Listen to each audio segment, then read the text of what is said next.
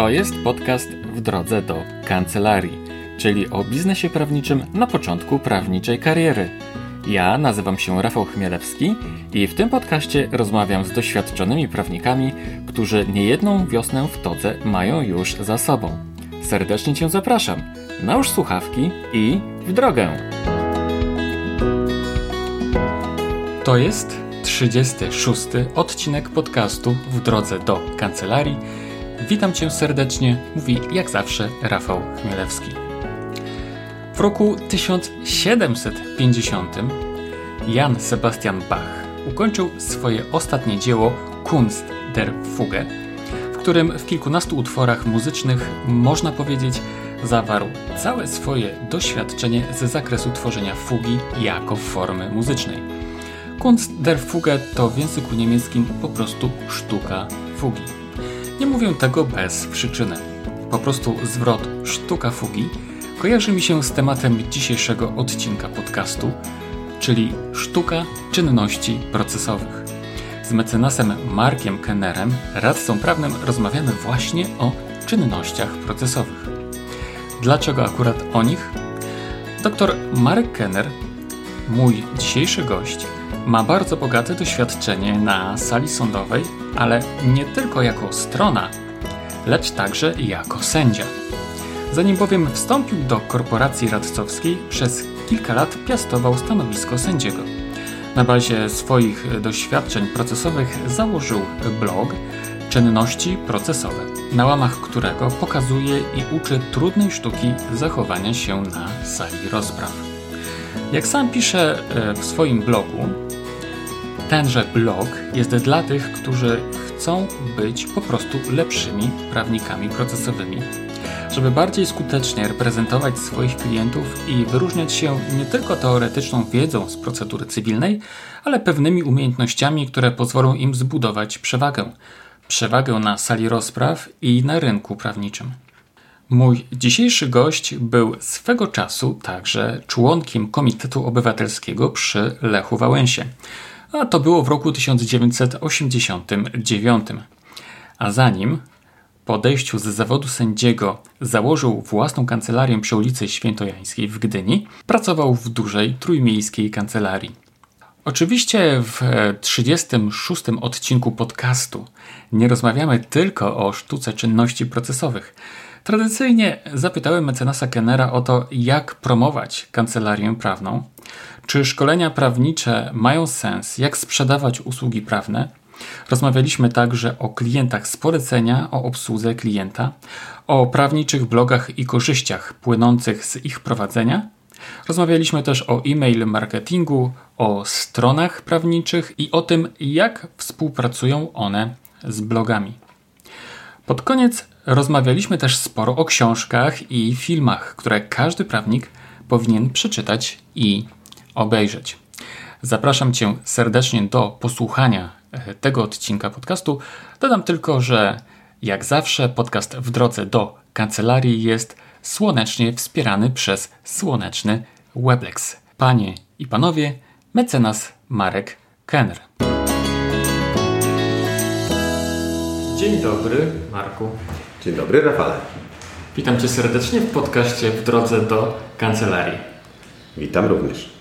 Wiesz co, każdemu swojemu gościowi, prawie każdemu, zadaję takie pytania początkowe. I proszę tak. Cię, żebyś też na nie odpowiedział, więc imię i nazwisko. Marek Kenner. Hmm. Tytuł zawodowy? Radca prawny. Od ilu lat jesteś radcą prawnym? Prawie 15. Wow, to niedługo pełnoletność w zawodzie. Tak, y, no wiesz, ja mam trochę wydłużoną drogę, bo wcześniej byłem no. sędzią, więc Aha. zawodowo to Aha. już myślę, że jestem pełnoletni. Natomiast tak, w tym zawodzie konkretnie tak, to jest 15 lat. Okej, okay. Warto było? Wyjść z sądu na rynek.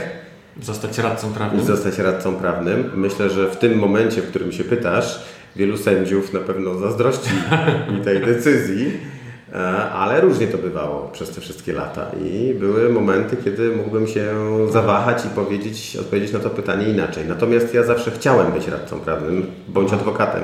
Dla mnie to jest wszystko jedno mhm. i dlatego jakby no, ja nie mam co do tego wątpliwości. Mhm. Mhm. Gdzie prowadzisz swoją kancelarię? W Gdyni przy ulicy Świętojańskiej 53 przez 6. Podaję dokładnie ten adres dlatego, że na tej ulicy trzeba uważać, żeby się nie pomylić, bo tu jest chyba, nie wiem, z 50 kancelarii na pewno. O, tak. tak jak w Toruniu na Starym Mieście. No właśnie, dokładnie. Co, gdzie rzucisz kamieniem, to trafisz w kancelarię. Prawnika, tak jest. tak jest. E, dobrze, kawa czy herbata? No właśnie, to jest takie pytanie, na które wiesz, yy, ono jest stanowczo jako alternatywa rozłączna, rozumiem, czyli kawa albo herbata, czy mogę odpowiedzieć, że i kawa i herbata, bo ja, herbata. ja pijam i to, i to. I to, i to. Tak, oczywiście yy, tak, zawodowo bym powiedział, że więcej kawy, a bliżej wieczoru to już wtedy zmieniam na herbatę. Mhm. A herbata jaka? A herbata y, też bardzo różna. Aha. Też pijam bardzo różną. Miętową, czarną, zieloną. Mhm. Okej, okay. a kawę? Kawę pijam, o widzisz, to jest taka ciekawa sprawa, ponieważ ja pijam tak zwane kawę kremę, czego nie można nigdzie dostać jakby w żadnym Starbucksie ani innym tego no. typu miejscu. No. E, to wbrew pozorom wcale nie jest kawa mleczna, tylko to jest takie coś pośredniego między lungo a espresso. I to właśnie piję. Mój Boże, ale ja nie wiem, nie wiem co to jest lungo. lungo to taka długa, wysoka kawa, taka duża. Taka jak Amerykana na przykład? Taka jak coś jak Amerykana, tak, dokładnie. Tak. Aha. Amerykana też mi nie zaspokaja, ale poczekaj, no niestety. To, to, czyli ta krema, ale ona tak. jest jakaś z czymś zabielona, czy nie? Nie. Nie, absolutnie nie. To jest nie. po prostu... No to rzeczywiście nazwa jest myląca. Wiesz co, na naszym ekspresie kancelaryjnym to jest nazwane espresso lungo, taka ciekawostka. Czyli miks między espresso, czy coś pośredniego. No, bardzo ciekawe. No dobrze, więc odpowiedz e, Marku na to e, sakramentalne pytanie, co Cię skłoniło do tego, żeby opuścić e, zawód szacowny, zawód sędziego i żeby zostać radcą prawnym? Wiesz co, odpowiem to, na to pytanie w ten sposób, że chciałem być bogaty. Jednak, okay. jednak no nie, okazało, nie stało się to takie, nie było to takie proste, jak myślałem, tak? że po prostu wyjdę z sądu, w którym no, e, jeszcze w tamtych czasach zarabiało się dosyć słabo, e, teraz troszkę lepiej e, i na rynku będzie to oczywiste, że będzie ten sukces finansowy. Ale to oczywiście może tak pół żartem. Natomiast bardziej serio powiedziałbym tak, że zawsze chciałem doradzać firmom, w dawnych czasach, wtedy kiedy ja e, zaczynałem aplikację sędziowską, a później wychodziłem na rynek, e, wejście do zawodu adwokata czy radcy prawnego e, nie chcę powiedzieć, że nie było łatwe, ale no było mocno ograniczone, tak to tak. określmy. Tak. I jedną z tych ścieżek dotarcia do tego zawodu było właśnie przejście przez sąd. I prawdę mówiąc, Mam nadzieję, że nikt tutaj z tych egzaminatorów ówczesnych teraz się może jakoś nie, e, nie zaniepokoi, ale prawdę mówiąc wybierałem sąd po to, żeby później zostać pełnomocnikiem. Mhm. Długo I byłeś sędzią? Byłem sędzią przez e, okres pięciu lat. Najpierw pierwsze A, dwa lata... Tak, pierwsze dwa lata e, byłem asesorem, bo wtedy to była taka funkcja, która dzisiaj, na którą dzisiaj czekamy wszyscy, żeby pojawili się ci asesorzy, żeby sprawniejsze były postępowania. Później Zostałem, e, zostałem sędzią e, i pierwsze dwa lata orzekałem w Wydziale e, Nieprocesowym Cywilnym, co jest takim pewnym paradoksem, bo w Nieprocesowym Wydziale jest się bardzo dużo na sali rozpraw, się bardzo dużo prowadzi rozpraw. A następnie byłem w gospodarczym, w którym to wydziale też przez pewien czas byłem sędzią upadłościowym, dlatego że ten wydział przez pewien czas był sądem upadłościowym. No i tak minęły mi E, minęło te 5 lat i wówczas zdecydowałem się wyjść na rynek. Czyli e, jesteś 15 lat radcą prawnym. Tak. Wcześniej byłeś 5 lat e, sędzią. Tak w jest. W sumie e, zawód prawniczy wykonujesz 20 lat. Dokładnie tak. Prawie powiedzmy. No, chyba, że doliczymy jeszcze okres aplikacji sędziowskiej dwuletni, no to tak naprawdę od studiów jest już ponad 20 lat. A studia mhm. kiedy skończyłeś? W 95 roku. Tutaj w Gdańsku? Tak, w Gdańsku tak? na Uniwersytecie Gdańskim. Mhm. Okej. Okay. Mhm. E, ale z tego co pamiętam z naszych wcześniejszych rozmów, to też jeszcze to miałeś takie marzenie, żeby zostać dziennikarzem, dobrze pamiętam? Tak. Y Wiesz, to jest tak, że y, ja szedłem na prawo zupełnie bez jakiegoś y, przemyślenia, jakiejś idei, że zostanę kiedykolwiek w życiu prawnikiem. Aha. Tak, poszedłem na prawo dlatego, że uznałem, że to jest najlepszy kierunek po to, żeby być dobrym dziennikarzem. Ja zawsze interesowałem się mocno polityką. Maturę zdawałem w słynnym roku 1989. No. E, więc w tym roku przełomowym mamy 30 lat teraz wolnej Polski. I e, no, e, wtedy polityka no, bardzo mocno e, jakby angażowała, zresztą dzisiaj również, ale wtedy też bardzo angażowała jakby mnie i wiele osób spośród znajomych. I dlatego myślałem o tym, żeby jednak pójść w dziennikarstwo. Później się zastanawiałem nawet nad tym, czy nie pójść w politykę, ale no nigdy to mnie do końca jednak tak nie skusiło. To był taki okres właśnie, 89 rok, kiedy tutaj było dużo właśnie w Gdańsku, tak? Przede wszystkim Oczywiście. były te wszystkie ruchy solidarnościowe, protesty. No to tak powiem Ci, że nawet byłem e, e, jednym chyba z młodszych członków Komitetu Obywatelskiego przy Lechu Wałęsie, bo wtedy jakby opozycja była zjednoczona w tym gremium, w tym gronie, Aha. po to, żeby pokonać drugą stronę, prawda? Aha. No niesamowite. Myślę, że mógłbyś jeszcze dużo ciekawych rzeczy opowiadać. No ale dobra, przejdźmy. Ale politykę tak, zostawmy może tak. w szczególności politykę zostawmy. Tak, dokładnie. E, prowadzisz kancelarię samodzielnie? Tak, prowadzę kancelarię samodzielnie.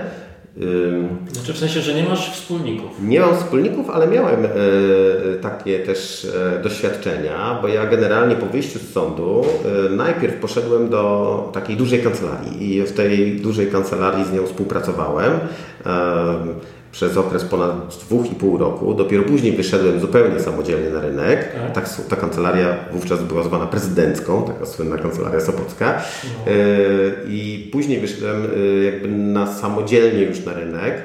I najpierw rzeczywiście kooperowałem z jedną koleżanką przez okres około dwóch lat.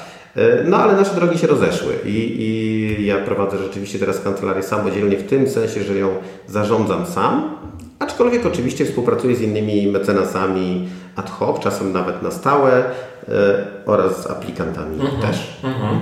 A nie myślałeś o tym właśnie, żeby powiększać swoją kancelarię?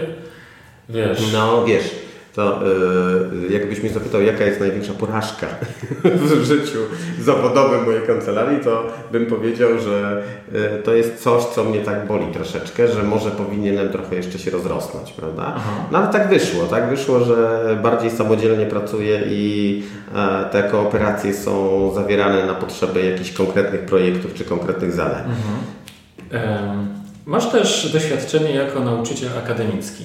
Tak jest. E, zaraz po wyjściu, po zakończeniu studiów, e, poszedłem na aplikację sędziowską, a równolegle e, poszedłem na uczelnię i tam zostałem zatrudniony w charakterze asystenta w katedrze postępowania cywilnego na Wydziale Prawa Administracji Uniwersytetu Gdańskiego i ciekawostka może, dlatego że doktoryzowałem się na te, w tej katedrze z prawa upadłościowego. I wiesz, to jest tak, że uczelnia oczywiście jest takim świetnym miejscem, naprawdę mam bardzo dobre wspomnienia z tym związane, ale jednak, szczególnie będąc teraz autorem bloga, tak, czy blogów, no troszkę i szkoleniowcem jednocześnie, troszkę te takie reguły uczelniane są zbyt sztywne. Tak, jakby, tak to odczuwałem już w pewnym momencie. Tak?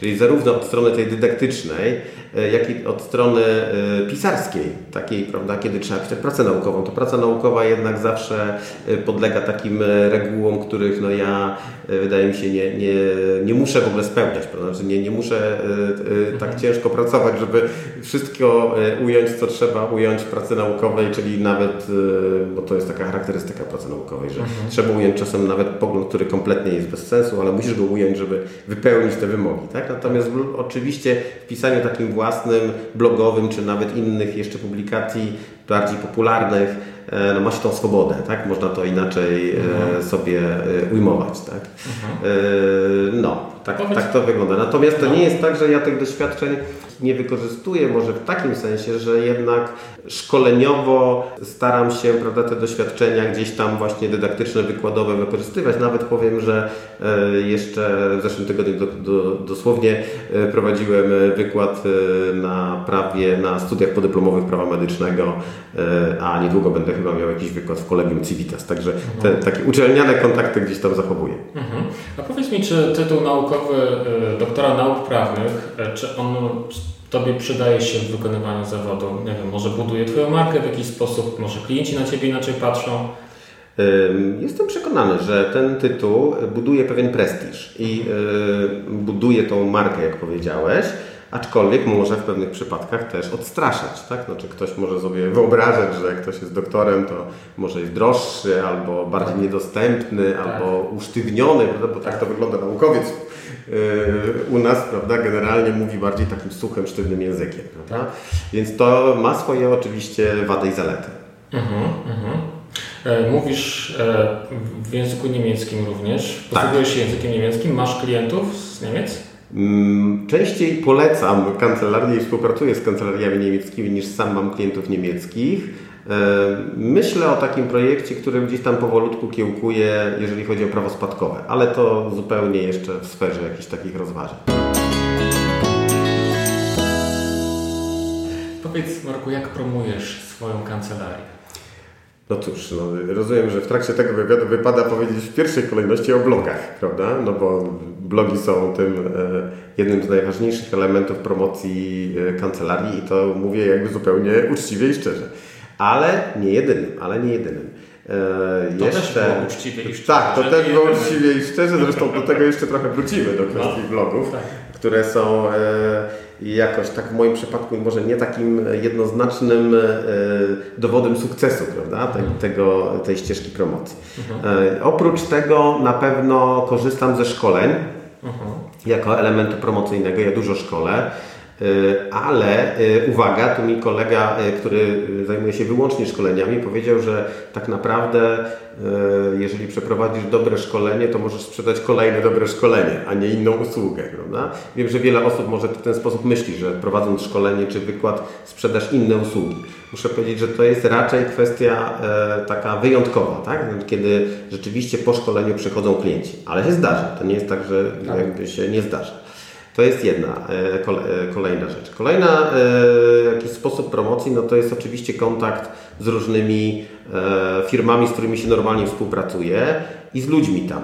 I tu mhm. taki paradoks, bo właściwie, jak powiedziałem wcześniej, że chciałem doradzać firmom zawsze, ale w tych firmach oczywiście są ludzie i tak. te relacje z nimi są kluczowe tak naprawdę tak, tak. dla tej promocji. E, pewnie to nie tylko moje doświadczenie, ale dosłownie niedawno e, zdobyłem kontakt i e, zlecenie z firmy, do której przeszedł ktoś z poprzedniej firmy i pamięta mnie jako osobę, z którą mhm. być może warto współpracować. Mhm. E, ja jeszcze, jeszcze jedna rzecz powiem, że oprócz blogów to piszę też bardzo dużo różnych materiałów, które może nie są sprzedawane w księgarniach, ale to są takie indywidualne zlecenia, na przykład dla firm farmaceutycznych. Mhm. Oczywiście znaczy dla wydawców, którzy sprzedają to dalej e, firmom farmaceutycznym. I te materiały również pod moim nazwiskiem docierają do mhm. E, dziesiątych moich potencjalnych klientów. Mhm. A jak dzisiaj według Ciebie sprzedaje się usługi prawne? Jak Ty, ty to robisz? W jaki sposób sprzedajesz? E, czy po prostu nie sprzedajesz? Czy klienci po prostu do Ciebie przychodzą i mówią, panie, panie mecenasie, jestem szczęśliwy, że do Pana trafiłem i nie wyobrażam sobie, że mógłbym trafić do kogoś innego? Czy to mm -hmm. musisz się jednak trochę wysilić, a może jednak jakieś jeszcze działania podejmujesz? E, wiesz, no tak z tym e, szczęściem klienta, który tak to jest różnie, bo oczywiście w naszej dziedzinie trudno mówić o takim momencie szczęścia, prawda? Jak ktoś przyjdzie, chodzi z problemem jednak, tak? Znaczy, żyjemy z ludzkich problemów tak naprawdę. No. E, ale zdarzyło mi się też oczywiście takie reakcje, gdzie ktoś bardzo chciał konkretnie ze mną współpracować. Powiem tak, że pytanie, które teraz zadajesz, tak naprawdę ściśle wiąże się z poprzednim pytaniem, czyli z promocją, tak? E, zawsze patrzę na działania promocyjne przez pryzmat sprzedaży.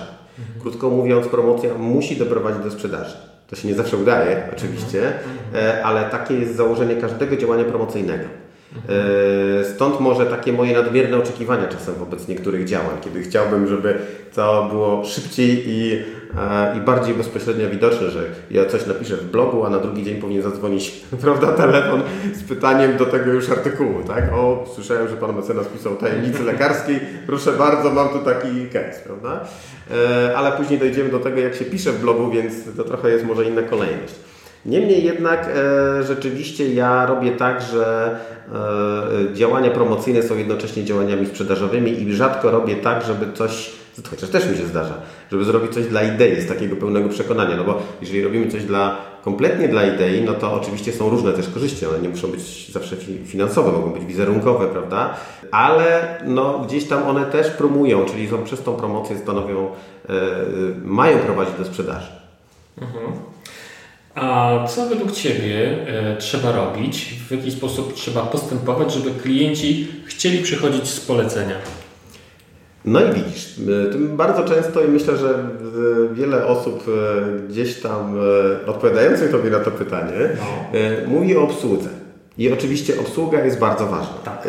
I to jest jasne. Zdecydowanie. Tak, ale muszę powiedzieć, że moje doświadczenia pokazują, że tak naprawdę jest jeszcze element jeszcze ważniejszy. Mianowicie tym elementem ważniejszym jest skuteczność. I e, ja wiem, że to nie jest e, proste i generalnie my w naszym zawodzie nie możemy nikomu zagwarantować efektu. Tak? Nasze działania to jest przez świadczenie usług zbudowanych na umowie zlecenia, czyli jakby na działaniu e, z najwyższą starannością. Jednak no, tak to jest, że ten klient wróci najchętniej wtedy, kiedy odniesiemy sukces. Mhm. Czyli wygramy proces, napiszemy świetną umowę, która go później ochroni w jakiejś sytuacji krytycznej. Tak? tak? E, I to są te momenty, kiedy oczywiście my możemy sobie tak powiedzieć, wiesz, to jest trochę tak jak z e, grą e, naszej reprezentacji, prawda? Czyli patrzymy sobie, no grają średnio, prawda, coś tam się układa lepiej, gorzej, ale wygrali, tak? Ale wygrali. Jak już wygrają, to ta analiza w studiu, zauważ, zupełnie in, jest inna, tak? Niż wtedy, kiedy przegrali, tak? No, dokładnie. I ja oczywiście to nie jest tak, bo ja oczywiście mam też klientów takich, dla których przegrałem sprawę. Tak? Bo uważam, że tylko ten, kto nie prowadzi tych procesów, ich, nie ma szansy ich przegrać. Tak? Więc ja oczywiście mam klientów, dla których przegrałem te całkiem niemałe sprawy. No. E, ale oczywiście wygrałem dla nich wiele innych procesów, to raz, a dwa, tych akurat procesach, które przegrałem, no chyba widzieli, że zrobiłem wszystko, co mogłem. Mhm. Że starałem się ze wszystkich sił, żeby wygrać. Tak. I że po prostu to było nie do wygrania, można powiedzieć. Tak? Mhm. Ale y, aczkolwiek w polskich sądach można tak powiedzmy, że w polskich czy w każdym sądzie jest ten element prawda, niepewności i ryzyka, który powoduje, że nie zawsze jesteśmy w stanie idealnie ocenić, czy da mhm. się wygrać, czy się nie da wygrać i możemy się co do tej oceny pomylić. Mhm. Tak? Natomiast y, wydaje mi się, że jednak y, takie polecenie jest najczęściej w tej sytuacji, kiedy mieliśmy sukces. Wspomniałeś o obsłudze klienta, mhm. więc podążmy, podążmy trochę tym e, tropem. Czy masz e, w swojej kancelarii jakieś takie zasady, zwyczaje, może masz jakieś procedury w, w zakresie właśnie obsługi klienta? E, wiesz, wydaje mi się, że nie mam takich skodyfikowanych, nazwijmy to, ścisłych czy sztywnych reguł obsługi klienta. No. Ja to patrzę na to w ten sposób, że mamy może to jest taka nasza przewaga, mhm. czyli sytuacja, kiedy widzę, że e, klient ze mną współpracuje wiele lat, e, albo właśnie do mnie wraca, albo poleca, to i to może trochę wynika z tych doświadczeń takich szkoleniowych, prawda, czy w ogóle wykładowych, bo wydaje mi się, że potrafimy jedną rzecz robić bardzo dobrze, a mianowicie dobrze się komunikować. Czyli potrafimy trochę przenieść, uwaga, na grunt e, prawa, e, na grunt e, działalności kancelarii coś z prawa medycznego. W prawie medycznym mamy taką regułę, że lekarz musi Cię poinformować w sposób przystępny, zrozumiały tak. o całej procedurze leczenia. Tak. I my troszkę również o ryzykach, o różnych problemach, które mogą wystąpić. I my troszkę tak to robimy, to znaczy tłumaczymy bardzo dokładnie i w sposób, myślę, jasny i przejrzysty klientowi, co się wydarzy co się wydarzy w procesie? Ja to się wiesz, coś czasem śmieję, kiedy y, y, zaczynamy taką rozmowę z klientem, szczególnie nowym, który nie miał doświadczeń procesowych. I ja mówię, proszę pana, proszę pani, to będzie związek na kilka lat, na dobre i na złe. tak, no bo jest oczywiste, że, że w toku takiego postępowania nie zawsze będą momenty tylko prawda, wygranych y, rozpraw, tylko będą również trudniejsze sprawy. Mhm. A co jest według Ciebie najważniejsze w obsłudze klienta? E, najważniejszą rzeczą e, właśnie jest ta dobra komunikacja. Mhm. To jest kluczowe według Czyli mnie. Czyli masz na myśli to, że po prostu Twój klient musi dokładnie wiedzieć, co go, co go spotka. Tak. Pewnie też jak się zakończy sprawa, czy jakie masz przewidywania. Oczywiście mówimy jeszcze raz, mówisz, że zgadzam się w pełni, mówisz o procesie, ale to dotyczy każdego innego zakresu tak. działalności. Kiedy negocjujemy umowę, czy przede wszystkim ugodę, no bo ja Jasne. oczywiście głównie zajmuję się sprawami spornymi, tak. ale to nie zawsze jest tak, że one są stricte sądowe. Tak. One czasem się kończą gdzieś tam na etapie wcześniejszym, czyli przedsądowym. I wtedy jest bardzo ważne, żeby też klient wiedział, do jakiego progu możemy dojść, jak ocenić ryzyko. Może to jest taki drugi element jeszcze, mhm. że umiejętność oceny ryzyka też, prawda? Mhm. To też wynika jakby z pewnego doświadczenia, myślę. Tak? Mhm. Spowodowało w ogóle, Marku, że podjąłeś taką decyzję, żeby kancelarię zacząć promować za pomocą blogów? Pierwszym moim blogiem e, było prawo dla lekarza.pl e, i od tego blogu musimy zacząć. Wiesz, to jest tak, że prawdopodobnie to jest podobna historia do wielu e, różnych innych, czyli że kancelaria doszła do jakiegoś momentu, no może nie kryzysowego, ale takiej refleksji, prawda? Jak zdobyć kolejnych klientów, szczególnie na tym zmieniającym się w sposób niezwykle dynamiczny rynku. Mhm. E, I ja, e, kiedy wyszedłem z sądu e, i poszedłem tamtej kancelarii dłużej, to w zasadzie jednym z moich pierwszych klientów była duża sieć klinik. Kiedy wyszedłem z tamtej kancelarii, ta sieć klinik nadal ze mną współpracuje, zresztą do dzisiaj. I myślę, że nabyłem takiego doświadczenia, już niezależnie od tego doświadczenia wcześniej e, sądowego czy prawniczej wiedzy i tak dalej, prawda, to doszedłem do takiego jeszcze momentu, że już poznałem jakby klienta, poznałem e, świat e, medycyny, nazwijmy to od strony prawnej. Tak? W związku z tym e, pomyślałem sobie, trzeba wykorzystać tą wiedzę, trzeba wykorzystać ten know-how i dotrzeć do innych e, klientów przy wykorzystaniu tej wiedzy. Oczywiście to jest tak, że kiedy tworzysz bloga i go piszesz, dowiadujesz się o różnych problemach innych, których może jeszcze nie, z którymi się może jeszcze wcześniej nie spotkałeś. Ale jednak no, gdzieś tam e, oczywiście ta wiedza e, no, procentuje, tak powiedzmy. Tak? Natomiast e, zauważ, że to nie jest taka ścieżka, która prawdopodobnie dotyka wielu nowych twórców blogów, gdzie zaczynasz kompletnie od zera.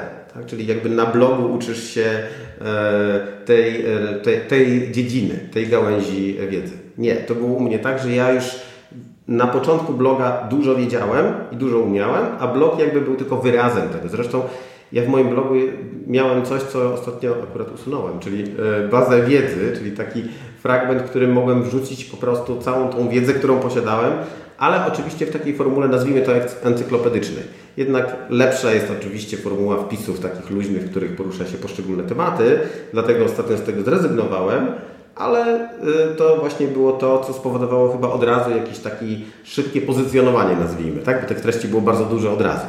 Tak? Nie było to tak, że były to dwa wpisy, tylko to było od razu kilkanaście chyba wpisów.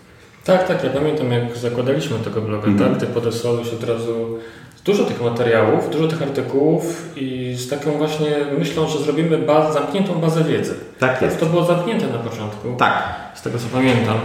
A już dosyć, Twój blog to jest dosyć no, le, leciwy, nie? jeśli tak to można określić. Tam już parę lat tak, jest. Nie? Tak, można tak określić. Jest y, to blog, który bardzo długo już, którego bardzo długo prowadzę. Hmm. No i to jest taki blok, który nie wiem, czy jest przykładem jakiegoś największego sukcesu, tak? ale to trochę wynika jakby z innych przyczyn. Wydaje mi się, że raz, lekarze mają mało czasu w ogóle na czytanie czegokolwiek poza medycyną. W ogóle mają mało czasu na jakiekolwiek życie poza medycyną. To jest y, taki jeden kłopot. Y, więc ja mam czasem takie wrażenie, że jednak to jest przeglądanie tych treści, a nie czytanie. Stąd też baza wiedzy, która początkowo miała jakąś do spełnienia swoją funkcję, y, chyba ją już się ta, ta formuła wyczerpała. I dlatego lepsze są jednak krótkie wpisy, w których ja poruszam konkretne tematy, które się pojawiają na bieżąco. Tak, tak. No to dużo zależy od grupy docelowej. To jest akurat taka grupa docelowa, która masz rację. Nie czyta i tak naprawdę znaczy czyta, dużo, lekarze tak. dużo generalnie czytają, tak? Ale jeżeli tak chodzi jest. o jakieś problemy e, prawne, to zależy im pewnie na tym, żeby tylko poznać kogoś, tak. kto im będzie w stanie pomóc. Oni nie będą się wgłębiali w zawiłości swoich problemów. Tak? I tą funkcję na pewno blog spełnia. Na I pewno. myślę, że e, pokazuje mnie jako specjalistę, no bo o to chodzi w tymże blogu. Mhm. Czyli w Twoim przekonaniu warto poświęcać czas na promocję kancelarii w ten sposób? Jak najbardziej warto y, prowadzić bloga. Y, przy czym w moim przypadku y, to jest trochę to, o czym powiedziałem wcześniej. Blog nie jest jakby jedynym i czasem nawet się zastanawiam, że nie wiem, czy najważniejszym sposobem promocji mhm. działalności kancelarii.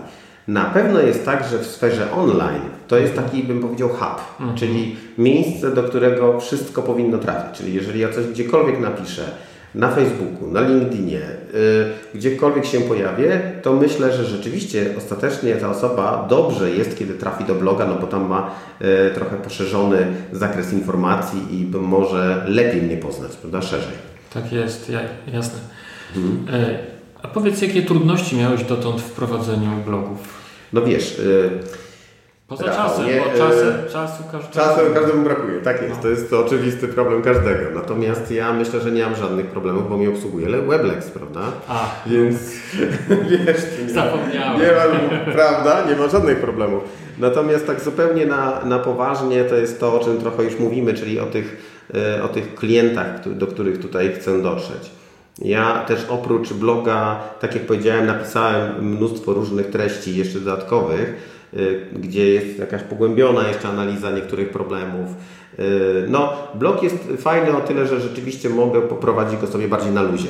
W tamtych opracowaniach już muszę pójść troszeczkę w stronę tej takiej naukowego formatu, prawda, gdzie muszę korzystać z jakichś źródeł bardziej precyzyjnie. Tak? Mhm. Tutaj mogę sobie trochę, powiedzmy to, pofolgować. Mhm, mhm. A skąd czerpiesz pomysły na artykuły? No właśnie. Y, to trochę y, y, odwołujemy się do wcześniejszej naszej tutaj rozmowy o, o, tym, czy e, jak ja napiszę o tajemnicy klienta, to powinien na drugi dzień się pojawić telefon z 15, prawda, czy 15 telefonów z problemami dotyczącymi tajemnicy lekarskiej.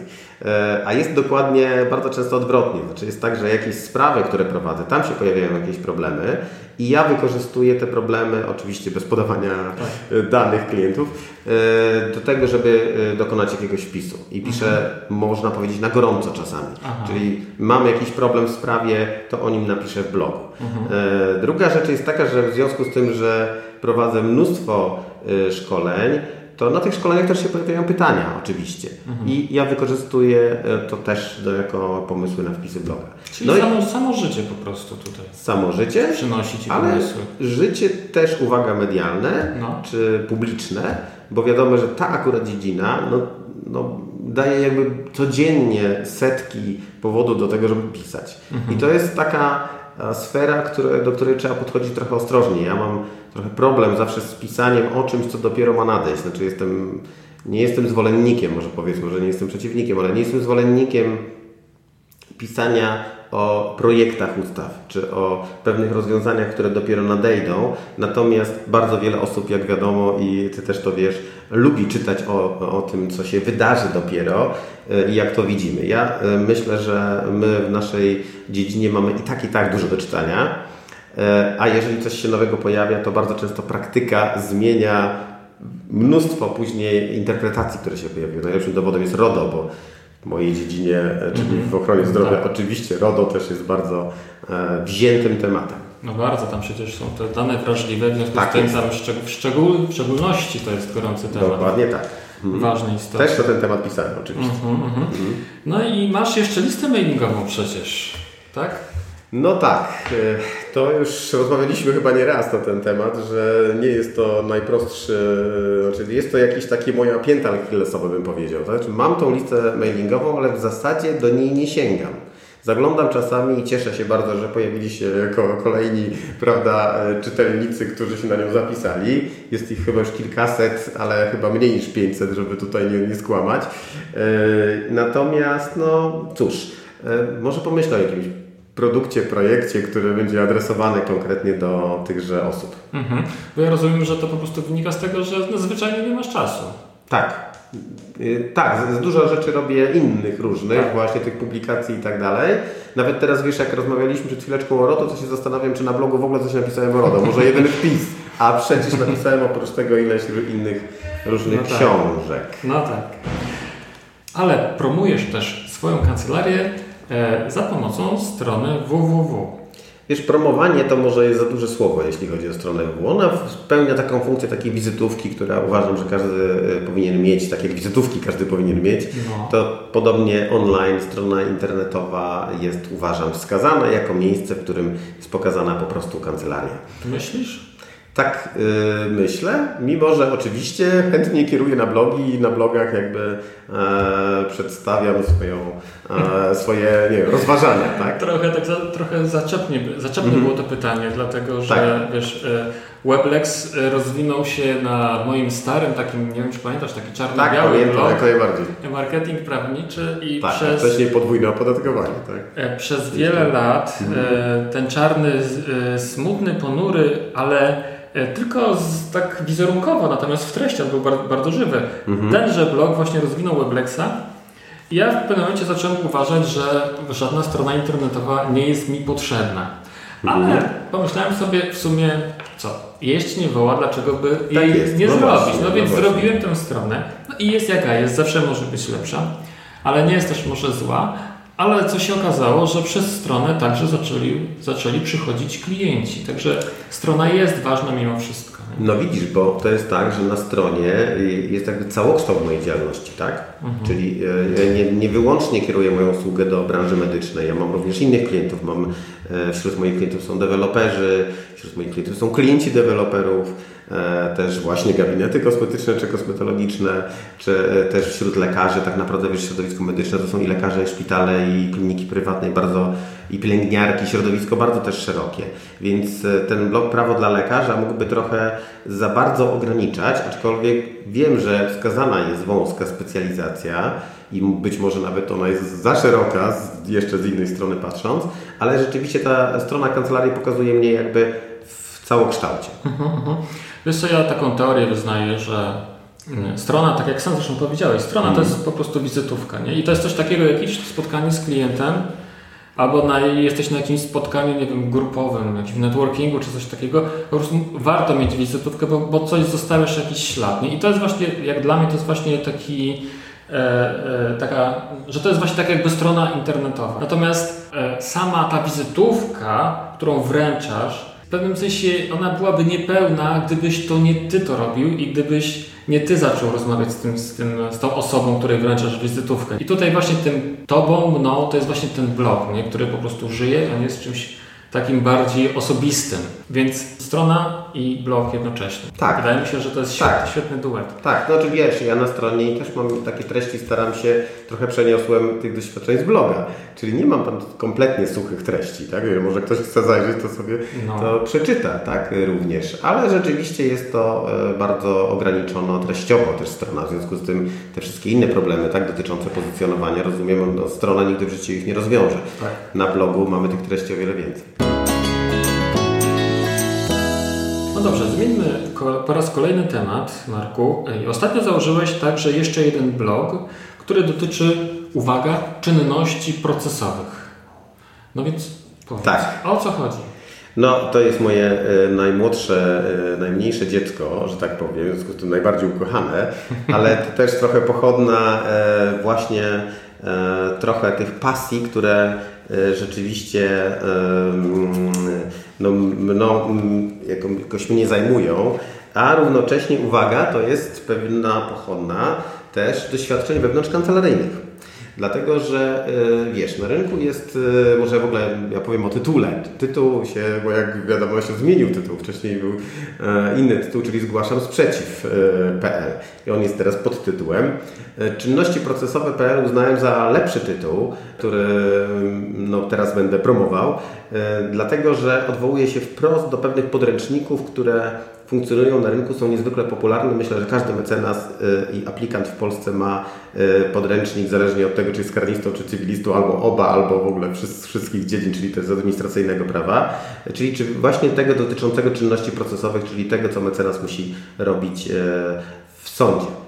I, I teraz powiem tak, że kiedy do mnie przychodzili aplikanci z pytaniami, przez te wszystkie lata y, już tu wielu aplikantów przeszło moją kancelarię, y, to wiesz, taką wiedzę, nazwijmy ją teoretyczną, czyli wynikającą z orzecznictwa, czy y, z poglądów doktryny, czy można znaleźć w bardzo wielu książkach, bardzo wielu materiałach. I, I też druga rzecz, że tej ilości tej wiedzy to są olbrzymie ilości. E, dlatego tak popularne są wszelkie książki, które próbują upraktycznić jakby tą wiedzę.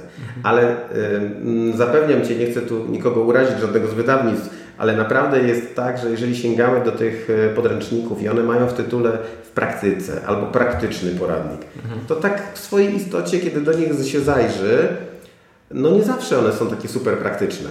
One ciągle powtarzają bądź stanowią jakąś kompilację, wybór tych orzeczeń. E, I wiesz, nikt nie tłumaczy tak naprawdę tym młodym prawnikom, e, jak na przykład należy zachowywać się na sali rozpraw. Jak, e, jak konkretnie próbować prawda, ułożyć pewne sobie relacje, na przykład chociażby z klientem na sali rozpraw, jak się on ma zachowywać i, i jak nim pokierować trochę na tej sali rozpraw. Jak przesłuchiwać świadka na sali rozpraw, jak konkretnie walczyć z prekluzją dowodową a nie tylko prawda, na bazie dwóch, trzech orzeczeń, które na pewno każdy zna po e, pierwszym prawda, piśmie procesowym, które musi napisać. W związku z tym e, uznałem, że ten blog, i, a ja bardzo lubię uczyć, ale to jest coś, czego, od czego odszedłem, prawda, z uczelni, no ale lubię uczyć, w związku z tym uznałem, że to jest taki e, dobry pomysł, e, żeby e, no, zacząć to robić po prostu. Okay. E, myślę, że w ogóle zauważ, że E, brakuje w ogóle takich materiałów, to jest to, co my teraz robimy, tak? To, co Ty robisz, to, co jeszcze jest chyba kilka prób takich, żeby docierać z jakąś wiedzą, jak prowadzić kancelarię, jak, e, jak prowadzić E, praktykę, ale naprawdę właśnie od tej praktycznej strony. Mhm. Czyli czekaj, tutaj masz grupę docelową, to już nie są lekarze, to już nie są klienci kancelarii prawnej, to są po prostu prawnicy. Dokładnie Młodzi, tak. początkujący prawnicy, czyli dokładnie ci, którzy powinni słuchać tego podcastu. Dokładnie tak. I Mówimy mam nadzieję, o... że go słuchają. Tak, ja też bardzo wielką mam nadzieję. Okay. E, no tak, zdecydowanie są to aplikanci, ale może nie tylko aplikanci. Wiesz, niedawno spotkałem koleżankę w sądzie, która um, obsługuje chyba jakiś fundusz inwestycyjny i mówi, że była pierwszy raz od 15 lat w sądzie, musiała sobie rozrysować, gdzie ktoś siedzi na sali rozpraw, tak? O. Do tego stopnia. Czyli nie jest to wyłącznie coś, co jest pomocne dla klienta samego, bo takie porady też się pojawiają w sieci, jak być świadkiem. Ale mi się wydaje, że chyba każdemu się przyda, może nawet podzielenie się poglądami, bo ja nie, nie twierdzę, że mam jakąś tutaj e, ostateczną wiedzę na ten temat. Każdy ma różne doświadczenia, każdy sędzia jest inny, każda sprawa jest inna, ale myślę, że podzielenie się doświadczeniami w tym zakresie też jest e, bezcenne. I stąd taki, taki, nazwijmy to e, marketingowo target, tak? czyli to są aplikanci, adwokaty, radcowscy i różni e, prawnicy, którzy może na co dzień nie są na sali rozpraw, a muszą akurat dla swojego klienta taką usługę świadczyć. Jasne, ale przecież jest wielu doradców podatkowych, tak? gdzie tam w zasadzie nie, rzadko, rzadko kiedy się mm -hmm. do mhm. sądu. Tak? tak Albo trzeba po prostu sobie znaleźć konkretnego doradcę, który właśnie rzeczywiście do tego sądu jest w stanie pójść. Nie? Rzecznicy patentowi przecież ja nawet powiem, Ja nawet powiem ten sposób, że to jest trochę taki, myślę, że ponieważ nie mamy tego podziału, który występuje w krajach anglosaskich, prawda? E, czyli na tych właśnie prawników procesowych, nieprocesowych, tak? Więc wszyscy musimy czasem wejść w inną rolę mhm. i wyjść poza tą rolę swoją, nazwijmy to podstawową, czy do której jesteśmy świetnie przygotowani. I myślę, że to jest taki, taki właśnie jest mój pomysł, żeby te e, porady y, no, pomagały prawda, w takich właśnie sytuacjach. Mhm. Czyli po prostu chcesz pokazać, chcesz nauczyć prawników, głównie początkujących, ale nie tylko, tego w jaki sposób po prostu zachować się na sali sądowej. I w ogóle poprowadzić proces. I poprowadzić I proces. I całą sprawę, tak jest. Dobrze. I Bo to jest tylko jeden z elementów. Jasne. I mhm. jakie tutaj są nie wiem, elementy, dziedziny wiedzy czy doświadczenia? No tak, to oczywiście bazuje na całym moim doświadczeniu, yy, widzisz, zarówno sędziowskim, nie no, tylko tak, tak. radcowskim, tak. ale no również sędziowskim. To właśnie bardzo cenne, nie? że przecież byłeś 5 lat tak, to jest e, taki problem, który czasami mnie e, wiesz, spotyka, kiedy ja na sali rozpraw nie wytrzymuję i przejmuję prowadzenie rozprawy. to, to, to, że jak proszę, sądu, proszę mnie puścić. no mówię na przykład do e, świadka, któremu sąd chce coś okazać, proszę podejść do stołu, prawda? Wtedy sędziowie zazwyczaj zwracają mi uwagę, mówią, to chyba ja jestem od tego, żeby kierować, prawda, tutaj świadkiem, panie mecenasie. Więc no to są takie śmieszne historie, ale rzeczywiście wydaje mi się, że jako były sędzia mam, mam e, to spojrzenie, czyli jakby rozumiem lepiej, jak ten sędzia myśli, prawda? I to mhm. myślę, że też mogę tutaj przekazać. Niezależnie od tego, oczywiście od 15 lat prowadzę sprawę jako mecenas i widzę też tą, nazwijmy to, rynkową stronę tak. tego zagadnienia, prawda? Mhm, mhm. Czyli o czym będziesz pisał w tym swoim blogu? Mhm. Ja już oczywiście piszę e, w tym blogu no tak. E, te porady, już on jakby trochę żyje, ale Czynno... zgadzam się, jest na... Czynnościprocesowe.pl Tak jest. Okay. Czynnościprocesowe.pl i tam pisze o tym właśnie, jak na przykład przygotować e, świadka do rozprawy, e, jak e, zachowywać się w ogóle na sali rozpraw, jak przesłuchiwać. Czasami nawet takie już bardzo praktyczne rzeczy, gdzie ma usiąść na sali świadek, który posiada wiedzę, nazwijmy to specjalistyczną, która nam się przyda przy przesłuchaniu czy innego świadka, czy strony. Czasem strona nie ma tej wiedzy, a jakiś jeden z naszych świadków ma. I tak dalej, i tak dalej. Czyli trochę takie no, zaplecze pracy mecenasa yy, w tym które się potem objawia na sali rozpraw e, w formule, której my nie do końca wiemy, jakby, jak do tego doszło, prawda? Jak, e, jak się przygotowaliśmy do tej rozprawy. I te wszystkie, nazwijmy to tajemnice w cudzysłowie, no mam nadzieję, że będę stopniowo zdradzał w trakcie tego pisania. Mhm, ale... A jednocześnie chciałbym ująć je również w formie jakichś jeszcze e-booków, książek, które no właśnie, e, będą chciałem, szerzej chciałem troszeczkę. Mhm. Tak, one będą trochę szerzej to opisywały, dlatego że wiesz, to jest taki kłopot, że jak e, robisz to, jak to robisz w praktyce e, mecenasa, nazwijmy to sądowego, to oczywiście robisz to automatycznie pewne rzeczy. Tak nie, nie zastanawiasz się nad nim, nad metodyką, którą masz już wdrożoną i którą, której jesteś przyzwyczajony. A y, kiedy zacząłem pisać, bo za chwileczkę skończę, pierwszy poradnik dotyczący właśnie przesłuchiwania świadka, to on myślałem, że zajmie 10 stron, już na tą chwilę zajmuje 50 stron. Y, może będzie nawet trochę większy. Y, I tak prawdę mówiąc, zastanawiam się już nawet nad ograniczeniem tego, co tam, co tam ująłem. A jeszcze z drugiej strony patrząc. To wiem, tylko jest samo przesłuchanie świadka. Samo przesłuchanie okay. świadka. No, tak no. jest. Natomiast z drugiej strony, oczywiście, myślę sobie, że powiem Ci, że teraz jestem właśnie w trakcie lektury dokładnie, bo um, tak, jest mnóstwo takich doświadczeń i różnych ciekawych materiałów, które bazują na systemie anglosaskim. Mhm. E, jak należy przesłuchiwać świadków, kiedy można zadawać pytania sugerujące, a kiedy nie można zadawać pytań sugerujących, tak. a akurat e, one nie są do końca, w mojej ocenie, przekładalne na nasz system. U nas generalnie jest zakaz zadawania pytań sugerujących. Więc trzeba sięgnąć do, trzeba sięgnąć do tych źródeł, które są bliższe nam. Dlatego ja ostatnio y, mocno y, czytam a propos y, pozycji niemieckojęzycznych gdzie rzeczywiście one są i omawia się to w jaki sposób jakie pytania zadawać, kiedy, komu i tak dalej. Także bardzo szczegółowe analizy. Tego w ogóle u nas nie ma. Prawda? Myślę, że do tego jeszcze też dojdę. Nie wiem, czy już w tym pierwszym poradniku, ale może jakimś kolejnym. No, to jest w ogóle niezwykle ciekawe to, o czym opowiadasz. No cieszę się, mam nadzieję tak, że będzie ciekawe też dla czytelników oczywiście. Bardzo, bardzo, bardzo. -hmm. Wiesz co, ja tak, ale wiesz, ja też obserwuję ten, tą naszą branżę i ten rynek. Wielu rzeczy brakuje, wielu rzeczy tak brakuje. Tak nie tylko publikacji książkowych, szkoleń, yy, wiedzy, brakuje doświadczenia. I, ale to nie jest tak, że tego nie ma, to jest, tak? Znaczy w mhm. sensie takim, że to no. w, w jakichś głowach czyimś doświadczeniu to jest, to, to, to, się, to się przewija, ale nie ma czegoś takiego właśnie e, e, materiałów, które, które mogłyby to po prostu szerzyć, nie? To, to doświadczenie i tą wiedzę.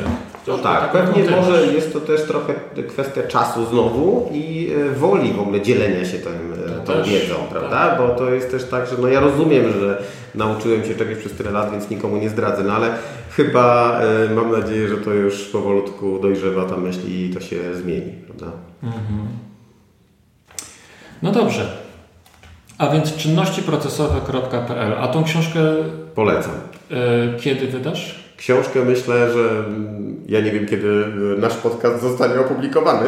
Za trzy dni. Za trzy dni. W takim razie jeszcze nie będę gotowy, ale naprawdę w ciągu najbliższych e, tygodni myślę, że ta książka się pojawi na, na blogu. Także zalecam do obserwowania bloga. Tak, tak, tak. To będzie, ale będzie forma e-booka, tak? W PDF-ie. Tak, tak, będzie to forma e-booka w PDF-ie. Mhm. Nie myślałeś, żeby ją wydać w formie książkowej? Yy, no tak, to jeszcze to, osobny to cały wielki temat. Tak. tak jest. Myślę, że to będzie szybsza formuła, yy, prawda, do, tak, do ściągnięcia i tak dalej. Dobrze, Marku, powiedz, jaką masz radę dla początkujących kancelarii prawnych, początkujących prawników? Powiem tu trochę tak, wejdę na może takie wyższe jakieś tonacje, ale, yy, ale chyba taką jedną z najważniejszych, a jednocześnie bardzo trudnych, e, szczególnie na tym takim dynamicznym e, rynku, na którym walczymy, który e, mogę potem powiedzieć o jednej książce, można nazwać czerwonym oceanem, jakby w porównaniu, czy jakby w przeciwieństwie do błękitnego oceanu. o którym powiem wcześniej, tak jak mówię. No, myślę, że bardzo ważny jest szacunek. Szacunek, który bym powiedział, musimy rozpatrywać zarówno w stosunku do klienta, do swoich współpracowników, ale również do samego siebie. Do samego siebie w takim sensie, żeby wiedzieć, gdzie jest jakaś granica, poza którą nie powinniśmy już wychodzić. Wiemy, że oczekiwania klientów są czasem bardzo różne. E, te oczekiwania klientów e, no, mogą nas e, prowokować czy zachęcać czasem do złamania pewnych własnych zasad, które, których chcielibyśmy się trzymać. I to jest taka najważniejsza rzecz, uważam. Ja powiem takie dwa przykłady. Jeden, jeden przykład dotyczy początku mojej ścieżki po wyjściu z sądu. No to oczywiście jest trochę taka ścieżka, jak każdy musi przechodzić, kiedy otwiera kancelarię, prawda? Pierwszy klient, y, bardzo ciekawy, firma transportowa, czyli szansa na wiele zleceń. Pierwszy proces. Po pierwszej wygranej e, pan y, prezes y, mówi do mnie, panie mecenasie, albo e, prawda, tutaj będzie jakiś rabat, albo yy, i wtedy będą kolejne tematy, albo no niestety, ale przepraszam, ale to jednak po przemyśleniu cena za wysoka. Po przemyśleniu powiem, tak, czyli po wygranym procesie, po umowie, która została wcześniej zawarta i tak dalej, tak. No więc to był taki moment, kiedy powiedziałem sobie nie, tak, wolę nie w ogóle nie prowadzić tej działalności, niż mamy w ten sposób rozmawiać, tak, wolę nie chcę, nie chcę mieć takiego klienta. I, e, I straciłem tego klienta, tak? Więc to jest oczywiście, każdy musi sobie odpowiedzieć, czy jest na to gotowy, na taką stratę klienta. No to jest taka jedna historia. Druga historia jest taka już e, e, zdecydowanie późniejsza. Około dwa lata temu wygrałem sprawę, w której bardzo się natrudziłem, bo po przeciwnej stronie był właśnie młody mecenas, bardzo ambitny, bardzo dużo piszący, ale ja w tej sprawie miałem, wydawało mi się od początku, oczywisty zarzut przedawnienia. I wszystkie inne argumenty, ja oczywiście na nie odpowiadałem, obalałem, no bo z ostrożności procesowej tak zwanej trzeba o wszystkim pisać. E, no ale potem, no i wygrałem. W drugiej instancji mamy apelację, w drugiej instancji sędzia właściwie zbeształ tego mecenasa. Bardzo przykro mi było to obserwować, właściwie nie wiedziałem gdzie, gdzie patrzeć, kiedy sędzia e, e, no, odnosił się w ustnych motywach do tego mecenasa, mówił, że Panie mecenasie, prawda, zajmuje Pan nam tu czas czymś, co jest od samego początku oczywiste, że jest przedawnienie. I ja wiem, że to jest bardzo trudna sprawa i nie zawsze da się tak dookreślić. Dla klienta oczywiście y, no, prawdopodobnie może ten klient wiedział, że istnieje takie ryzyko. No, więc jak jest poinformowany o ryzyku, no to trochę sam decyduje, czy chce, się, czy chce walczyć, czy nie. Ale z drugiej strony no, musimy też umieć sobie właśnie odpowiedzieć na to pytanie. Czy to jest sprawa, którą powinienem wziąć, mimo że wiem, że ją przegram na 99%, no co oczywiście nigdy nie możemy powiedzieć. Tak? Czyli czy podejmujemy to ryzyko. I to jest to, czyli posiadanie pewnego poczucia granic, które jest oczywiście bardzo trudne, ale wydaje mi się, mhm. y, musimy je sobie wyznaczać, tak? Mhm. W tej takiej codziennej pracy. A co jest najważniejsze w pracy prawnika? Pokora.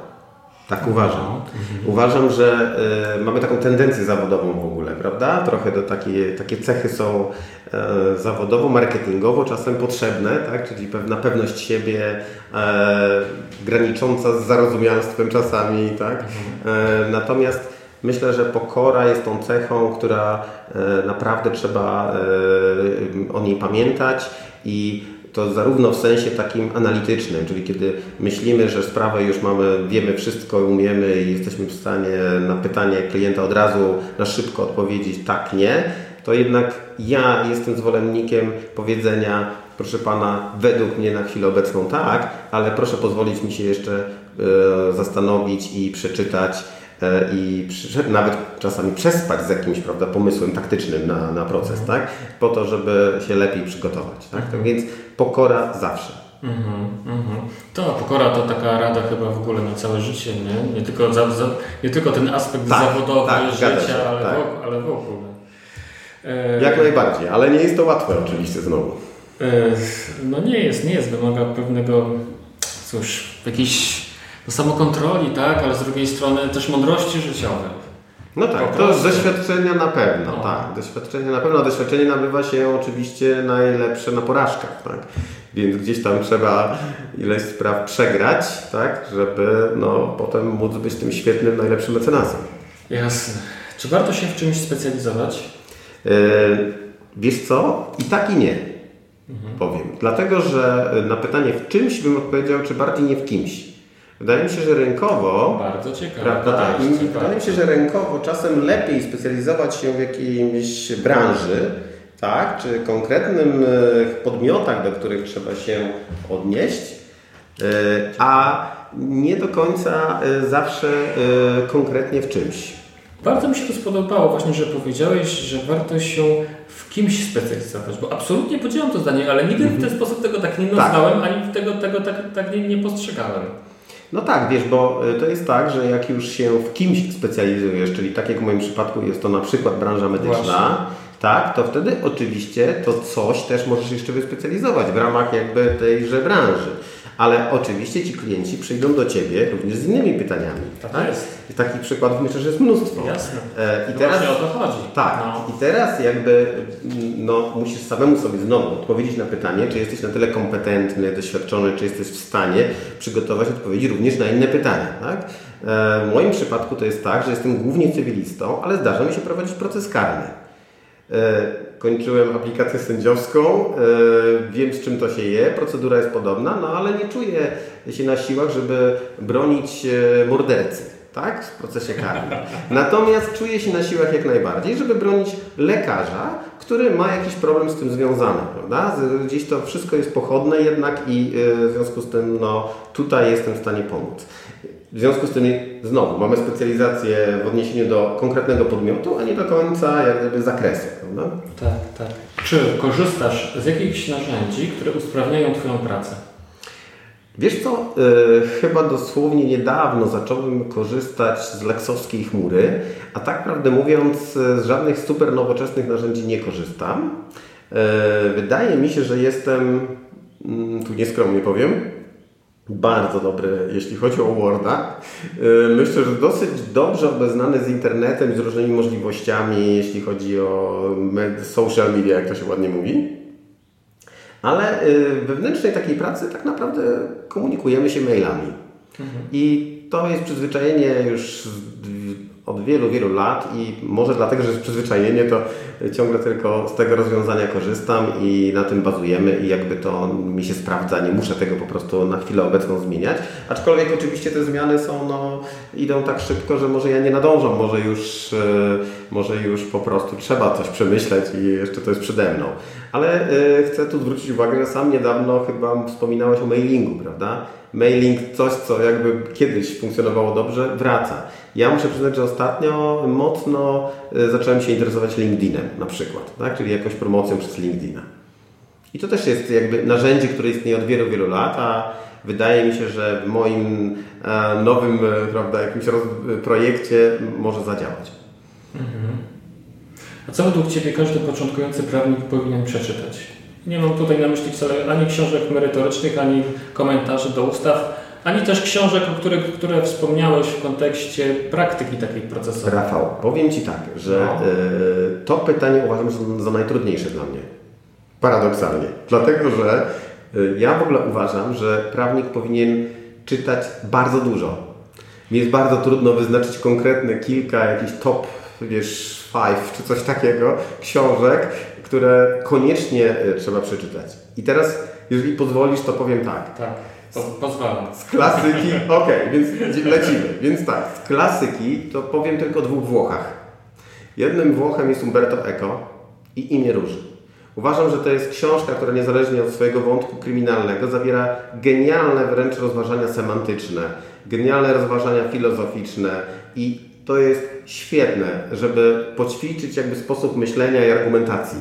Dlatego, że tam toczy się, jeżeli ktoś na pewno wszyscy przeczytali, ale może warto odświeżyć, toczy się przecież przez całą tą książkę nieustająca dyskusja naukowa.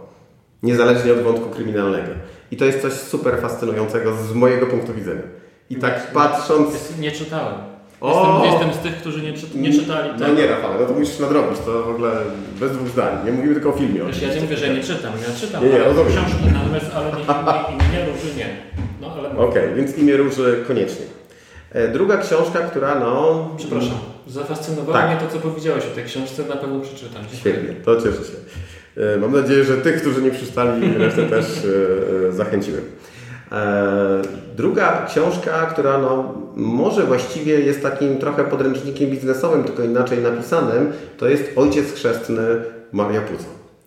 I no, muszę powiedzieć, że scena, w której toczy się rozmowa między Ojcem Chrzestnym a jednym ojcem, którego córka została mocno poturbowana i co należy zrobić ze sprawcami, pokazuje w sposób po prostu wręcz e, no, e, taki wzorcowy, bym powiedział, analizę dotyczącą wymiaru kary, poczucia sprawiedliwości, poczucia realizacji tej sprawiedliwości, prawda, dochodzenia swoich praw. Tak naprawdę to się wszystko tam kumuluje prawda, w tej scenie. No a cała książka jest oczywiście znakomita i e, wiele reguł, na przykład dotyczących tego, że E, przecież ojciec chrzestny nie bierze wynagrodzenia bardzo często za swoje usługi, tak?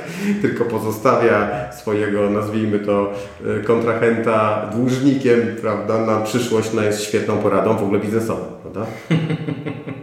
I to z klasyki. Oczywiście można wymieniać tu dziesiątki, setki innych książek. Natomiast wiesz, mi się wydaje, że prawnik powinien też, no w zasadzie to jest trochę mus, musi to robić, bo tego właśnie o to, o czym dzisiaj też mówimy, że brakuje i my się uczymy trochę na innych przykładach, prawda? Nie uczymy się tak dużo na przykładach, oczywiście mamy świetną książkę Pamiętnik Adwokata, jak najbardziej, ale oprócz tej książki wiele takich książek nie ma, prawda? Na których moglibyśmy się e, uczyć jakby strony biznesowej, rynkowej tego zawodu. I dlatego sięgamy do innych książek. I tutaj zdecydowanie poleciłbym taką fajną książeczkę, której nawet nie jestem w stanie chyba autorów prawidłowo odczytać, bo tak się nazywają Moburn, René i Chan Kim. To jest Strategia Błękitnego Oceanu. To jest świetna książka, która mówi nam e, o tym, jak szukać swojej niszy, o ile w ogóle jest to możliwe. Ale właśnie poprzez to analizowanie tego, czy jesteśmy w stanie znaleźć niszę, też musimy wtedy się zastanowić, czy warto e, w tym czerwonym oceanie, czyli oceanie pełnym krwi, pływać i jak się w nim odnaleźć. To jest właśnie taka książka. Kolejną książką, która jest zupełnie, uważam, takim podręcznikiem właściwie biznesowym, to jest tworzenie modeli biznesowych, podręcznik wizjonera Aleksandra Osterwaldera i tu chyba jest drugi, drugi autor Yves Pignot, powiedzmy, że tak to się czyta. E, to jest też książeczka, która pokazuje w ogóle sposób myślenia, jak prowadzić firmę. Czyli y, myślimy o jakimś produkcie, który jest y, podstawową w naszym przypadku usługą, ale ona jest też już teraz bardzo uproduktowiona często, y, która jest to usługa, jak ją dostarczyć do klienta, gdzie jest ten target, jak to w ogóle, jak wyglądają koszty i tak dalej, i tak dalej. Ta książka to analizuje. Trzecią książką taką biznesową, a może bardziej psychologiczną bym powiedział, którą na pewno, do której na pewno warto sięgnąć, to jest Siła nawyku Charlesa Dahiga. I e, to też jest świetna książka, w której no, e, trochę e, tezę chyba już starożytną powtarzamy, że jesteśmy tym, prawda, co robimy nawykowo. I trochę ta książka nam to pokazuje. Także to też jest świetna, świetna pozycja. Ja obecnie w ogóle z biznesowych książek czytam taką książkę Pata Flina, Will It Fly, Gotowi na Start, która z kolei pokazuje też przygotowanie się do jakiegoś nowego pomysłu. Też fajna książka. Ale wiesz co, tak, y, ja wiem, że zastrzegłeś, że nie powinno być prawniczych książek. No oczywiście uważam, że każdy y, początkujący prawnik powinien wkrótce przeczytać moją książkę. tak, która za chwileczkę już będzie. Czyli książeczkę dotyczącą tego, jak przesłuchiwać świadka, bo to nie jest tylko mowa o tym, y, że jak wchodzimy na salę rozpraw, tylko w ogóle jak się przygotować do przesłuchania świadka. I myślę, że takiej książki też nie ma drugiej na rynku jeszcze na razie. Mam nadzieję, że nikt mnie nie wyprzedzi w ciągu tych najbliższych tygodni. Oj, dziękuję Ci Marku. Powiem Ci szczerze, że czasami zdarza się, że jak pytam o lektury, to mm, moi rozmówcy mówią, że nie mają czasu na czytanie. I ja oczywiście te, te, też to rozumiem, natomiast e, żałuję, że akurat w tym momencie nie możemy więcej pogadać o książkach. Tak. Ja pamiętam, jak rozmawiałem z Kasią Abramowicz od specprawnika, to tam też żeśmy weszli na temat książek. Ona także dużo czyta takich, takiej lektury biznesowej. E, świetnie nam się rozmawiało, nawet się mówiliśmy na wywiad następny właśnie dotyczący tylko samych no, książek. No, polecam się, tak. Ale, widzę, ale widzę, że tak. Ciebie też, z Tobą też mówimy jeszcze o książkach. Może w trójkę się mówić. Ale wiesz, nie, kto wie, może kiedyś zrobię po prostu taki podcast, mhm. gdzie, gdzie, będą, gdzie będą tylko właśnie lektury mhm, z mhm. nią i z Tobą mm, pogadamy sobie i na pewno to będzie bardzo, bardzo pouczające. Mhm. E, Okej, okay, a powiedz, może coś każdy z prawników powinien obejrzeć w takim razie. Tak, no tutaj to w ogóle wiesz, y, myślę, że nie tylko prawnicy, wszyscy tak naprawdę oglądamy mnóstwo filmów amerykańskich, prawda, które są thrillerami prawniczymi i które e, thrillerami czy filmami prawniczymi, e, które pokazują nam salę rozpraw amerykańską. Myślę, że w ogóle e, prawnik musi obejrzeć te filmy, żeby zrozumieć, jak jego klienci widzą salę rozpraw i widzą świat, bo dopóki nie trafią na tą salę polską, e, czy, czy powiedzmy europejską, czy kontynentalną, no to zawsze będą patrzyli przez pryzmat tych, e, tych procesów. Nawet przypomina mi się taka scena z The Runway Jury, kiedy wychodzi prezes firmy wściekły, ponieważ e, źle zeznawał i mówi do mecenasa, panie mecenasie, czemu pan mnie źle przygotował?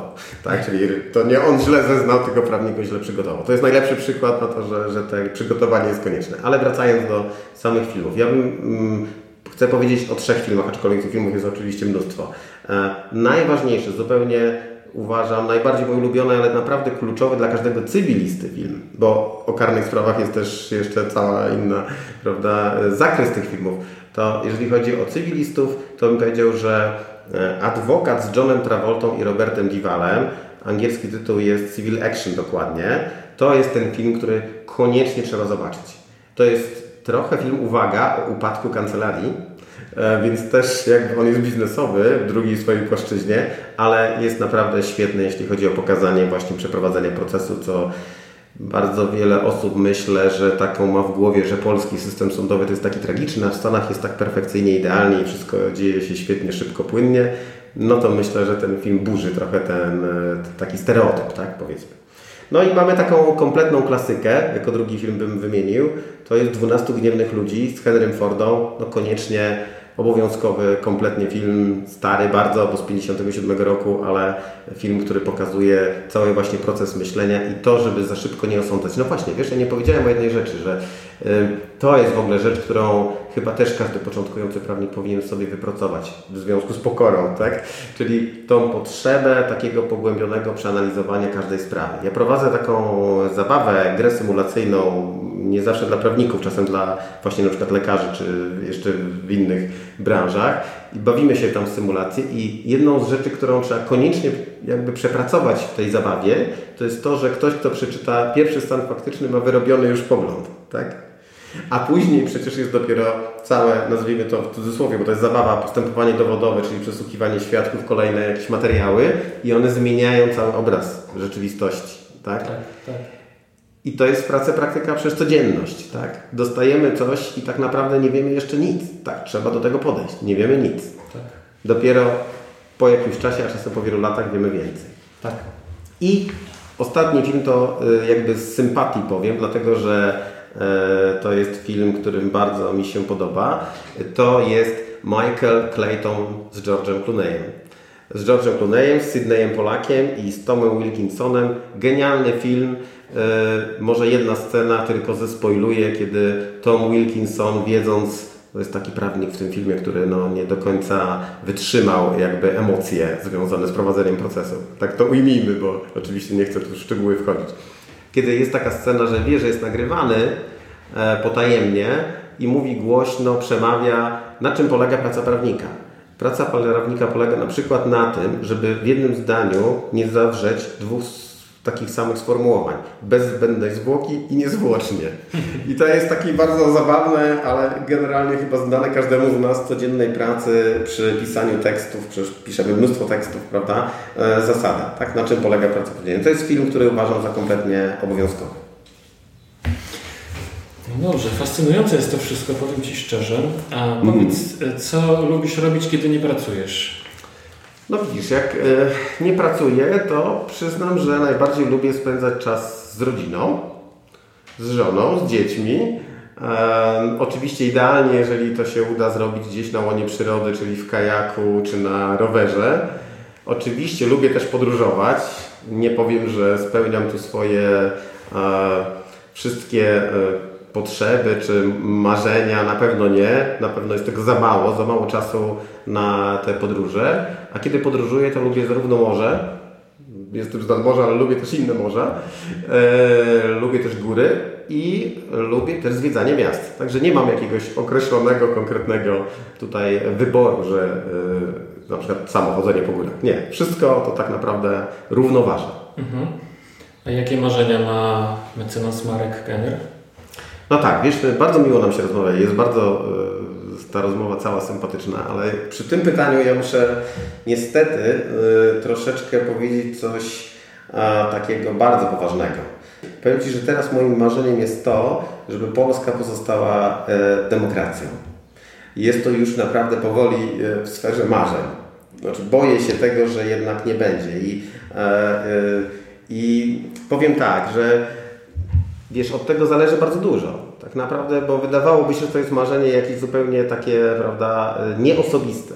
Ale e, jest dokładnie przeciwnie, tak uważam. Ono jest bardzo osobiste. Znaczy, E, jeżeli przestaniemy być demokracją, to wpłynie to na nasze konkretne życie zawodowe i osobiste. I jeżeli ktoś jeszcze z tego sobie nie zdaje sprawy, to myślę, że no, nie chciałbym, żeby się przekonywał po prostu. Tak? Wolałbym się o tym, żeby ta osoba się o tym nie przekonała.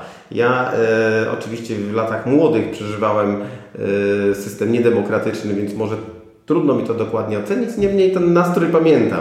I nawet sobie myślę, że warto by było odświeżyć może wspomnienia niektórych osób, które potrafiły znaleźć sens w życiu w ogóle w takim systemie. Na szczęście jeszcze granice są otwarte, więc można różne rzeczy, różne scenariusze rozważać.